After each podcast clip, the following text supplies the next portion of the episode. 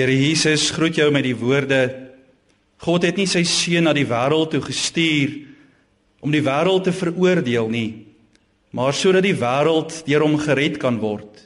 Geliefdes, genade en vrede vir julle van God ons Vader, van Jesus Christus die Here, deur die kragvolle werking van die Heilige Gees. Amen. Goeiemôre aan jou wat vanoggend bevoorreg is om rustig na God se woord te luister. Mag die Here deur sy gees ook jou lewe aanraak in hierdie oomblik. Die tema van ons boodskap vanoggend is oordeelkundige oordeel. En ons skriflesing kom uit Matteus 7 vers 1 tot 6. Matteus 7 vers 1 tot 6. Kom ons loof die Here met die sing van gesang 514 daarvan strofe 1 en 2.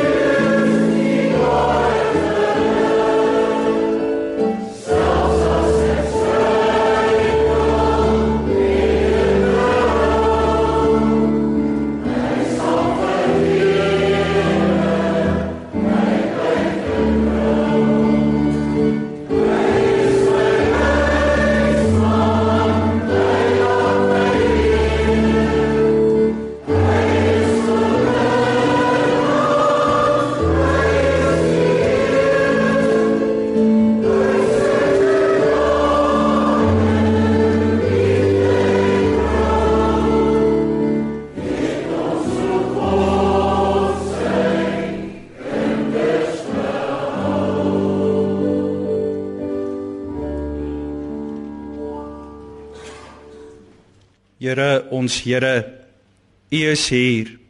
En U hier wees is vir ons elkeen genoeg. Baie dankie dat U bereid is om saam met my en elkeen wat vanoggend na hierdie boodskap luister hier in die gemeente en ergens voor 'n radio dat U bereid is om met elkeen van ons deur die Gees besig te wees. Ons bid Here dat U self U woord vir ons sal oopbreek. Mag dit deel word van ons elkeen se lewe Ons bid dit in die naam bo alle name in die naam van Jesus Christus ons Here. Amen. Oordeelkundige oordeel. Wie van ons hou nie van 'n vlamskerp spotprent wat met sy fyn humor daarin slaag om baie keer op tone te trap of om 100% die spyker op die kop te slaan nie? En ek wil volgens saam met jou kyk na 'n spotprent wat Jesus vir ons teken oor 'n baie baie ernstige saak in elkeen van ons se lewe. Dis ook 'n spotprent wat op jou en my tone kan kom trap. Dis 'n spotprent wat ons soos 'n stywe handskoen kan pas. Kom ons luister na die prentjie wat Jesus vir ons teken in Matteus 7 vers 1 tot 6. Moenie oordeel nie sodat oor julle nie geoordeel word nie. Met dieselfde oordeel waarmee julle ander oordeel sal oor julle geoordeel word. En met dieselfde maat waarmee julle verander meet, sal vir julle gemeet word. Waarom sien jy die splinter raak wat in jou broer se oog is, maar die balk in jou eie oog merk jy nie op nie? Of hoe kan jy vir jou broer sê: "Wag, Laat ek die splinter uit jou oog uithaal en intussen is daar 'n balk in jou eie oog. Hygelaar, haal eers die balk uit jou eie oog uit, dan sal jy goed kan sien om die splinter uit jou broer se oog uit te haal. Moenie wat heilig is vir die honde gooi nie. Hulle sal omspring en julle verskeur. En moenie julle parels voor die varke gooi nie. Hulle sal dit met hulle pote vertrap. Dis hierdie prentjie van Jesus wat vir ons verder ingekleer word deur die bekende lied wat ek as 'n kind op die gitaar gespeel en gesing het en ek het daarin dan al besef dat dit 'n dieper betekenis dra, die bekende lied Huise van glas wat Jesus se spotprentjie verder vir ons kom inkleer. Die lied gaan so: Kyk die mense in die strate, dokters, staatsamptenare, almal dra geheime in die mou. Soos papierpoppe op kaarte word ons leeg en sonder harte en daar's niemand wat 'n ander meer vertrou. Kyk hier nuus in die koerante. Oordeel van alle kante. Is daar dalk 'n skuldgevoel wat skuil? En die mense praat en skinder oor die dinge wat hulle hinder. Maak nie saak wie huil nie. Dis die styl. Sê my waar is die broederliefde? Dalk gesteel deur die nagdiewe. Al wat nou nog oorbly is verwyte en kritiek. Waarom sien ons die splint in 'n ander een se oog en staar ons altyd blind in die van ons? Selfs die son wat daar skyn, gee aan almal deel van hom. Hoe moet nie oordeel nie en wys nie 'n vinger nie. Ons almal woon in huise van glas. Wanneer ek na ons almal kyk, is dit nie moeilik om raak te sien dat ons almal daarvan hou om eintlik die behoefte te hê om baie keer in die regterstoel te wil sit nie. Wanneer ons na ons uitsprake luister oor ander se skuldig wees of onskuldig wees, wanneer ons uitsprake maak oor ander se oortredings en hoe ons hulle denkbeeldig 'n straf oplê, ja, ek dink soveel jaar tronkstraf straf sal goed wees dan is ons almal die een of ander tyd 'n fanatiese regter in ons oordeel. Maar wat as die bordjies verhang sou word? En jy staan in die beskuldigde bank en jy moet verleë opkyk na die uitspraak van die regter. Wat sou jou behoeftes dan wees? En so kom Jesus en hy trek vir ons die buitelyne van hierdie prentjie. Jesus se spotprent dit teen 'n sekere soort van oordeel, so 'n kritiese veroordeling van mense. En terselfdertyd aan die ander kant wil die prentjie vir ons ook die grense kom gee van hoeveel ons regtig kan vat voordat ons wel oordeelkundig moet oordeel en wel 'n gesonde beoordeling moet maak. Moenie oordeel nie sodat oor julle nie geoordeel word nie, begin Jesus Matteus 7. As ons hierdie enkele versie sou vat vandag en dit die boodskap maak, sou dit my ongelooflik gepla dat hierdie enkele vers alleen die boodskap moes dra. Want hierdie versie van Jesus alleen buite konteks sou 'n halwe waarheid wees wat ons met mekaar deel as ons net sê moenie oordeel sodat oor jou nie geoordeel word nie. Matteus 7 vers 1 word deur baie gebruik om 'n idee te staaf en te bevestig. Jy lewe jou lewe soos jy wil en ek sal my lewe lewe soos wat ek dit graag wil doen. Maar moenie jy vir my vertel hoe ek moet lewe nie en moenie eers probeer om jou standaarde op my af te kom dwing nie. Moenie oordeel nie sodat oor jou nie geoordeel word nie. Is seker een van die versies wat deur mense aangehaal word wat juis nie weet wat dit beteken nie. Hulle wat dit dalk so halfpad verstaan, is die ouens wat dit die meeste kere aanhaal en gebruik. 'n Jong meisie is die hoenders in vir haar ouers omdat hulle haar weier om by 'n vriend te kuier wat hulle oordeel en reken nie 'n goeie invloed op haar lewe op hierdie stadium is nie.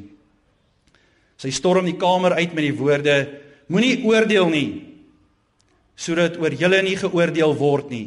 En dan klap die deur in die kusyne en sy voel Sy het haar verantwoordelikheid nagekom om haar ouers Bybels tereg te wys. Wat het Jesus regtig vir ons in Matteus 7 kom sê? Ek dink een van die sleutelverse om Matteus 7 te verstaan, lees ons juis in Matteus 5 vers 20. Hier sê Jesus: As julle getrouheid aan die wet nie meer inhou as die van die skrifgeleerdes en die fariseërs nie, sal julle nooit in die koninkryk van die hemel ingaan nie. Jesus wil sê ons moet 'n ander soort geregtigheid en 'n oordeel aan die dag lê as wat die fariseërs en die skrifgeleerdes aan die dag gelê het. Hulle het hulle geregtigheid oppervlakkig hier op hulle moue gedra. Hulle het so 'n eie geregtigheid gehandhaaf. Terwyl jou en my geregtigheid volgens Jesus eerder moet groei vanuit ons hart en vanuit ons verhouding met God, ons hemelse Vader. Matteus 7 pas dan ook in hierdie konteks. En Jesus spreek hom hier baie duidelik uit toe in die twee uiterstes van menslike oordeel in sy bekende preek op die berg, die sogenaamde bergpredikasie. Aan die een kant die uiterste van 'n grouwe, kritiese gees en aan die ander kant spreek Jesus hom uit in hierdie onbetrokke plek waar hy glad nie 'n oordeel wil vel nie, so 'n oordeelloosheid. En kom ons kyk dan volgens saam na hierdie twee uiterstes van oordeel. Kom ons begin by Matteus 7 vir sy eerste 2 verse wat vir ons sê moenie oordeel nie. Jesus sê moenie oordeel nie sodat oor julle nie geoordeel word nie. Met dieselfde oordeel waarmee julle oor ander oordeel sal oor julle geoordeel word en met dieselfde maat waarmee julle verander meet sal vir julle gemeet word. Ja, wanneer Jesus na die godsdienstige situasie van sy tyd kyk, dan sien hy dat om ander te oordeel 'n ernstige siekte van sy tyd geword het. Dit 'n godsdienstige probleem geword. Die Fariseërs en die skrifgeleerdes het op 'n baie gemaklike plek gesit van waar hulle hierdie kritiek uitgedeel het op 'n regterstoel en links en regs was hulle baie vinnig soos blits om alles en almal te beoordeel en te veroordeel. As jy nie aan hulle verwagtinge voldoen het nie, dan was jy gekritiseer en veroordeel. Dis wanneer Jesus in die huis van Simon die Fariseer is en die sondige vrou sy voete kom salf, dat Simon die volgende te sê gehad het. Simon sê van Jesus: Hy, as hy 'n profeet was, sou tog geweet het wie en watter soort vrou dit is wat aan hom raak. Dat sy 'n sondares is. Baie vinnig die oordeel oor Jesus en oor hierdie vrou. Die Fariseërs het in hulle arrogansie 'n spesiale klas van mens geskep. Sondaars. Soos of hulle self nie sondaars was nie. Hulle was so gewoond om ander mense so krities te oordeel. En Jesus sê baie duidelik daar is 'n probleem met so 'n soort oordeel. Dis oorkrities. Dis altyd 'n muggiesiftery. Dis altyd 'n haarkloof gesindheid. Dis altyd aan die delf met 'n vergrootglas. Waar gaan ons nou 'n ou foutjie kry om dit aan te spreek? Dis veroordelend. Jesus sê moenie oordeel as jy wil oordeel met so 'n kritiese gees nie. Jesus praat nie hier van die oordeel in 'n hof nie. Hy praat van daardie haastige, liefdelose, ek is beter as jy, ek is heiliger as jy gesindheid. Wanneer jy daardie voorbarige gevolgtrekkings maak om mense te veroordeel. Hierdie oordeel lê aan die hart van skinder, lê aan die hart van valse nuus van wat van mense versprei word. Die vraag is wat dryf jou en my om sulke oor kritiese gesindhede te hê. Ek dink die ou foutjie is is dat ons as mense dink ons kan sien soos wat God sien en ons kan oordeel soos wat God dit doen. Ek kan jou motiewe sien. Ek kan sien wat jy dink. Ek sien hoe en wat jy dink. En Jesus wil hierdie ou foutjie kom uitskakel. Wanneer ons oordeele uitspreek, doen ons dit gebaseer op sigwaarde, dit wat ons sien. En baie keer is dit nie genoeg om die hele prentjie te sien en daarmee 'n akkurate oordeel te vel nie. So het daar 'n gesegde ontstaan wat ons almal baie goed ken. Voordat jy iemand kritiseer, moet jy eers 'n kilometer in daardie persoon se skoene loop. En dit het baie sin aan hierdie gedagte, want as jy iemand se agtergrond en iemand se lewe nie ken nie, is dit goed om vereers net bietjie perspektief te kry voordat jy jou oordeel vel in daardie geval. So het iemand op 'n ligte trant bygevoeg Wanneer jy iemand kritiseer, moet jy eers 'n kilometer in sy skoene loop. Het die persoon bygevoeg op dië manier wanneer jy hom kritiseer, is jy alreeds 'n veilige kilometer weg. En die bonus is jy het sy skoene. Die joernalis was op soek na 'n prentjie van 'n luiheid by klein boere. En so het hy met sy kamera oral rondgeloop op die plaas om 'n boer te vang in luiheid. En so stap hy 'n dag by 'n plaas verby waar 'n boer besig was om op 'n stoel te sit, besig om bossies uit te skoffel, hier waar hy sittende in sy landerye was. En toe die joernalis sy kamera so optel en hy dink hier het ek die foto die toppunt van luiheid by klein boere en hy so inzoom toe sien hy die broekspype van hierdie boer hang pap oor die stoel en besef hy daar en dan hierdie boer het nie bene nie. Daar besef hy dat hierdie is nie 'n foto 'n toppunt van luiheid nie, maar eerder 'n foto van durf en moed soos ek jy baie keer vinnig om op sigwaarde te oordeel. In die Ou Testament daar in Samuel lees ons die Here kyk nie na dieselfde dinge as die mens nie. Die mens kyk na die uiterlike, maar die Here na die innerlike. Juist daarom kan ek nie ander se motiewe oordeel nie. Net die Here ken dit. Die Here weet wat iemand anders dink. Paulus het selfs ook in 'n reaksie op 'n geleentheid reageer teen sulke kritiese beoordeling toe hy gesê het: "Maar vir my is dit nie van die minste belang of my betroubaarheid deur julle of deur 'n menslike regbank beoordeel word nie. Dit is die Here wat my beoordeel. Daarom moet julle nie te vroeg voordat die Here kom 'n oordeel uitspreek nie." Ek glo jy het al gesien en dalk ook al eerstehands dit beleef in jou lewe dat veroordeling dat wanneer 'n mens iemand met 'n kritiese gees oordeel, is dit definitief 'n boemerang. Dit kom verseker terug na jou toe met 'n woeste spoed. Die oomblik wanneer jy iemand met 'n kritiese gees benader, kom dit met 'n spoed baie vinnig terug na jou toe. Jesus sê met dieselfde oordeel waarmee jy oor ander oordeel, sal oor julle geoordeel word en met dieselfde maat waarmee julle verander meet sal vir julle gemeet word. Gooi kritiek met 'n kritiese gees en dit gaan terugkom na jou toe.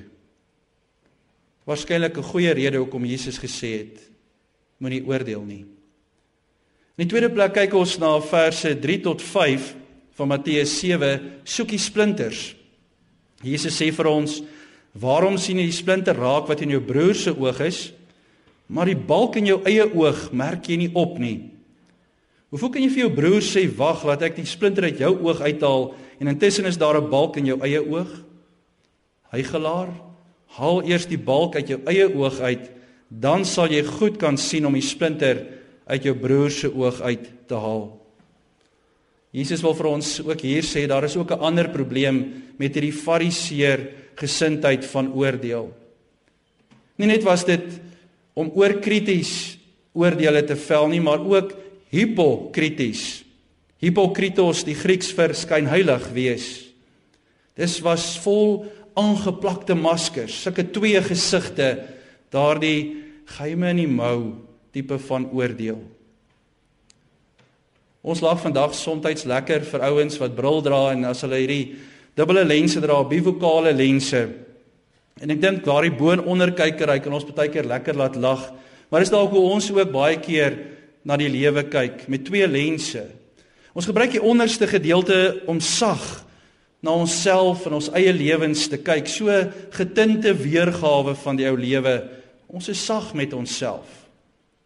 Ons sien nie ons eie tekortkominge en ons eie balke in ons lewens raak nie. Maar met die boonste zoomlense kyk ons nader aan ander. Dan sien ons al die foute, al die detail raak, daardie kleinste ou dingetjies in ander se lewens sien ons raak. Jesus wys hierdie skynheiligheid ook af wanneer ons oordeel. Dis soos die gelykenis wat Jesus vertel oor 'n fariseer en tollenaar wat gelyktydig by die tempel kom om te bid. As die fariseer bid, dan bid hy en hy kyk deur die boonste gedeelte van sy bivokale lense en hy bid: "Sjoe, dankie tog, Here. Ek is bly ek is nie soos hierdie ou niks nits van 'n tollenaar nie." En dan kyk hy deur die sagte onderste lense na homself en hy bid: Here, U is so geseënd om vir my aan U kant te hê. Moenie skynheilig oordeel nie. Ons is ongekwalifiseer as mense om ander te oordeel. Want dit is vir ons onmoontlik om onpartydig te wees. Ons word beïnvloed deur ons eie balke, deur ons eie onvolmaaktheid, deur ons eie tekortkominge. En dan gebruik Jesus meesterlik hierdie grafiese beeld, hierdie metafoor van balke, splinters en later varke en honde en boemerangs. Om vir ons baie mooi vir ons ons eie krisis oor oordeel te kom vertel. Ek dink ons het hierdie voorbeeld al so baie gehoor dat ons die humoristiese kant heeltemal weggegooi het en vergeet het om daaroor te lag. Jesus se skare het waarskynlik hardop gelag toe hy hierdie voorbeeld vir hulle vertel en eintlik elkeen ervaar hoe trap hy nou op hulle tone dis presies soos dit is kan jy die een ou sien hy het 'n splinter in sy oog eintlik kan jy dit nie sien nie want dit is te klein die ou is ongemaklik hy hou sy oog toe en jy kan sien daar is iets wat hom ernstig pla En langsom hierdie ou met 'n houtbalk wat hier in sy een oog indruk en sommer ver die hele prentjie wil oorvat. Hy's ongebalanseerd, hy kan nie sy balans hou nie en hy met al sy beperkings probeer terwyl hy sukkel om voet te vind, probeer hy om die splintertjie uit die ander ou se oog te haal. En elke keer as hy omdraai dan met die ou met die splinter in sy oog nog koes vir hierdie lang balk om nie nog 'n splinter in sy oog te kry nie. Jesus gebruik hierdie metafoor van 'n splinter in 'n balk. Ek dink juis omdat hy so goed bekend was met hout.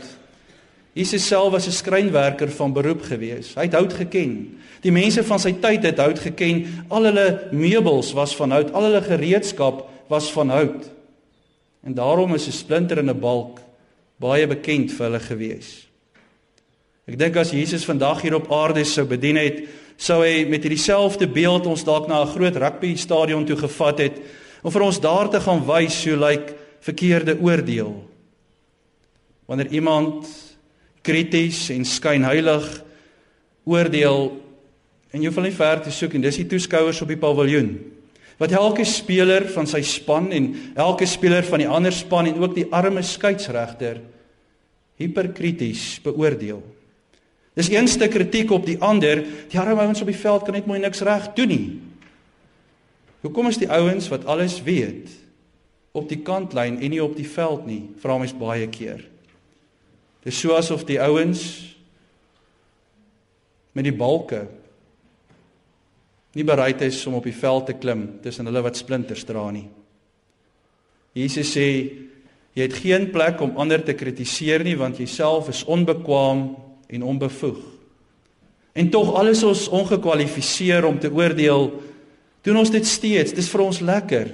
Ons doen dit dikwels met 'n selfsugtige idee in die agterkop. Ons doen dit met so 'n stuk eie geregtigheid want dit laat my soms beter voel. As ons spook met sonde in ons lewe, laat vir ons 'n oomblik 'n bietjie beter voel as ek daarmee vinger ook na iemand anders kan wys wat met dieselfde ding spook Dit laat my sonde nie so sleg lyk nie en dit laat hierdie skuldgevoelens wat skuil so bietjie beter voel. Jesus waarsku ons dat ons ons eie gemors eers moet uitsorteer. Dit moet skoon maak, laat skoon maak om om toelaat om ons te help om dit skoon te maak voordat ons beter weet terug gaan karring aan die lewens van ander mense. Dalk is die balk nie eers 'n erge sonde in jou en my lewe nie. Dalk is dit net daardie sonde van weet jy ek is beter as jy. En dit bring 'n groot probleem. Dis waar ons onsself aanwys as hierdie lokale amptelike splinterinspekteurs dat die probleem begin terwyl ons eerder eers balkverwyderaars moet wees voordat ons begin om die splinters te soek. Dit is baie belangrik om vanoggend hier te sien dat Jesus nie hier amen gesê het nie. Jesus het ons nie opdrag gegee om uit ander mense se lewens te bly nie. Inteendeel, gee hy vir ons die verantwoordelikheid om ook ons broer en suster te kan help met hulle krisis. Haal eers die balk uit jou eie oog uit, dan sal jy goed kan sien om die splinter uit jou broer se oog te haal. Wat is die liefdevol Christelike ding om te doen as iemand met 'n splinter in sy oog by jou kom? Gaan jy omdraai en wegloop? Nee. Sê jy, o nee, ek kan ek het nog nooit 'n splinter uit iemand se oog uitgehaal nie, so ek gaan jou ook nie help nie, loop maar. Jou broer het iets in sy oog en dit moet uitgehaal word, hierdie stuk ongemaklikheid. Maar eers haal jy die verskriklike groot balk van eie geregtigheid, kritiek en skynheiligheid uit jou eie oog en dan doen jy dit. Paulus stel dit so mooi in Galasiërs 6 vers 1. Hy sê as iemand in een of ander sonde val, moet julle wat julle deur die Gees laat lei, so iemand in 'n gees van sagmoedigheid reghelp. En pas op. Jy kan self ook in versoeking kom. Die laaste punt waarna ek wil kyk is vers 6, die regte manier om te oordeel.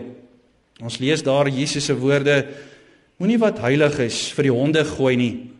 Hulle sal omspring en julle verskeur. En moenie julle parels voor die varke gooi nie. Hulle sal dit met hulle pote vertrap. Ons het gesien die grouwe kritiese gees is duidelik verkeerd. En baie wat dit probeer vir my, hierdie grouwe kritiese gees het heeltemal na die ander kant toe oorgeval en dit is om glad nie te oordeel nie, so onbetrokke oordeelloosheid te hê wat getuig van 'n onbetrokkenheid en 'n oordeelloosheid. Hulle wat hierdie houding inneem, wys altyd na die eerste 5 verse van Matteus 7 as hulle bewys ons moenie oordeel nie. Hulle interpretasie is ons kan en mag onder geen omstandighede iemand anders oordeel nie, veral nie om vir iemand anders te wys wat is verkeerd in sy of haar lewe nie.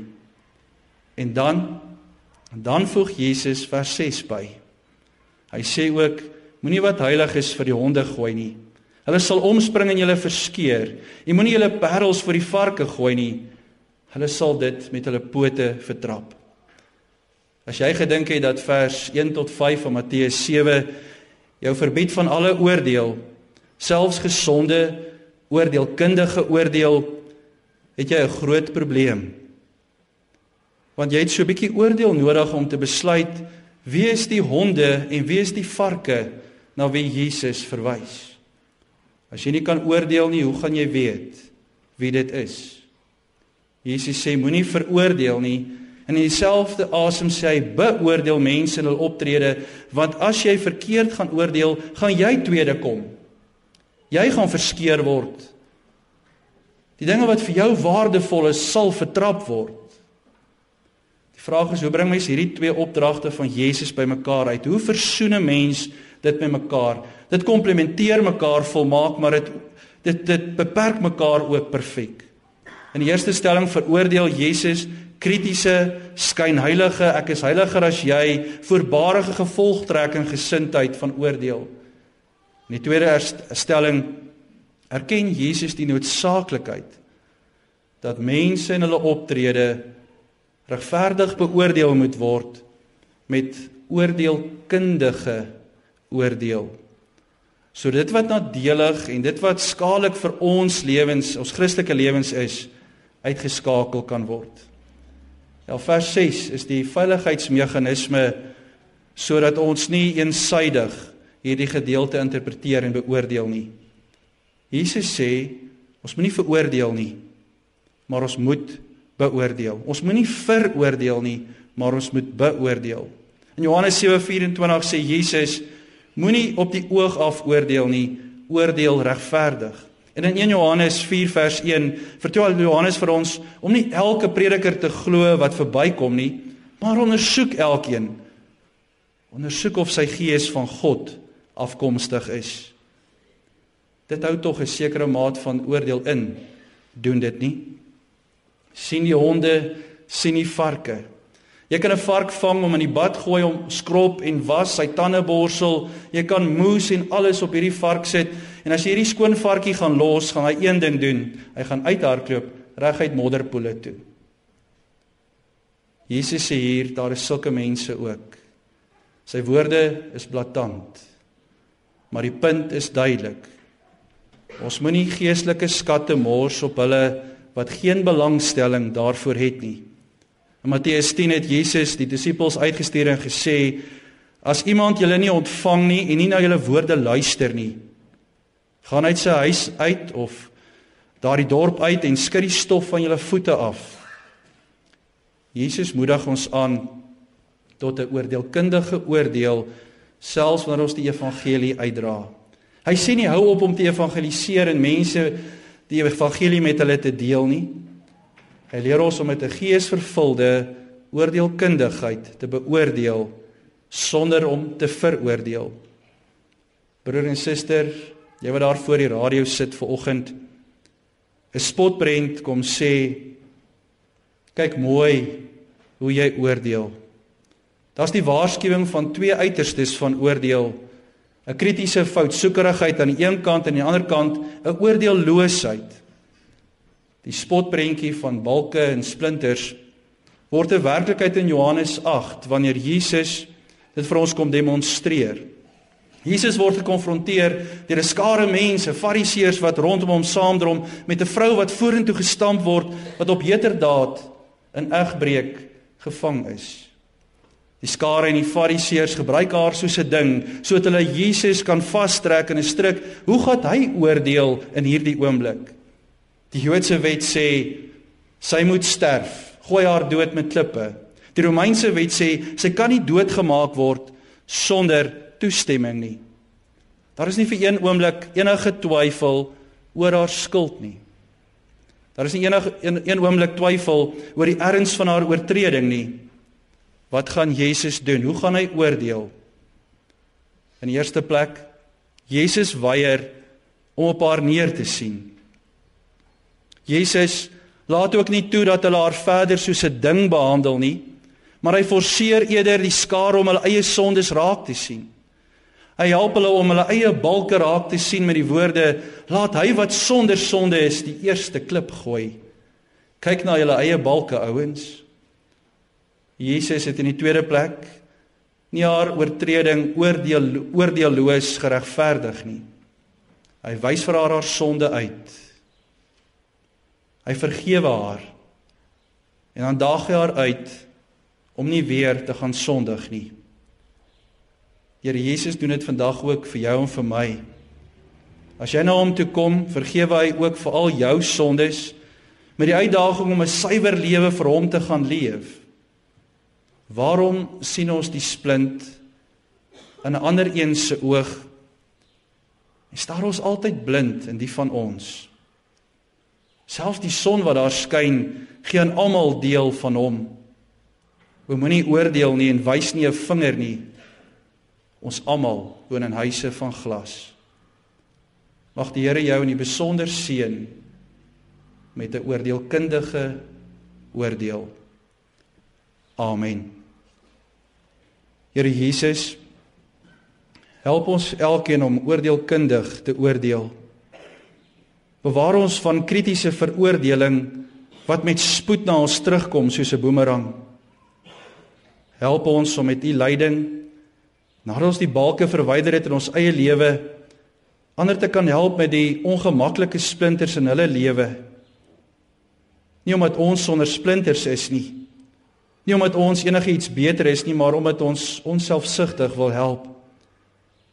Help ons ook om te kan oordeel wanneer ons voor die verskeurende honde en die vertrappende varke staan. Dankie Here Jesus dat U wat alles van ons weet sal oordeel oor ons hele lewe. U sien ons hart by elke daad. U ken ons liefde en ons haat. Deurskou ons wense, deurskou ons strewe.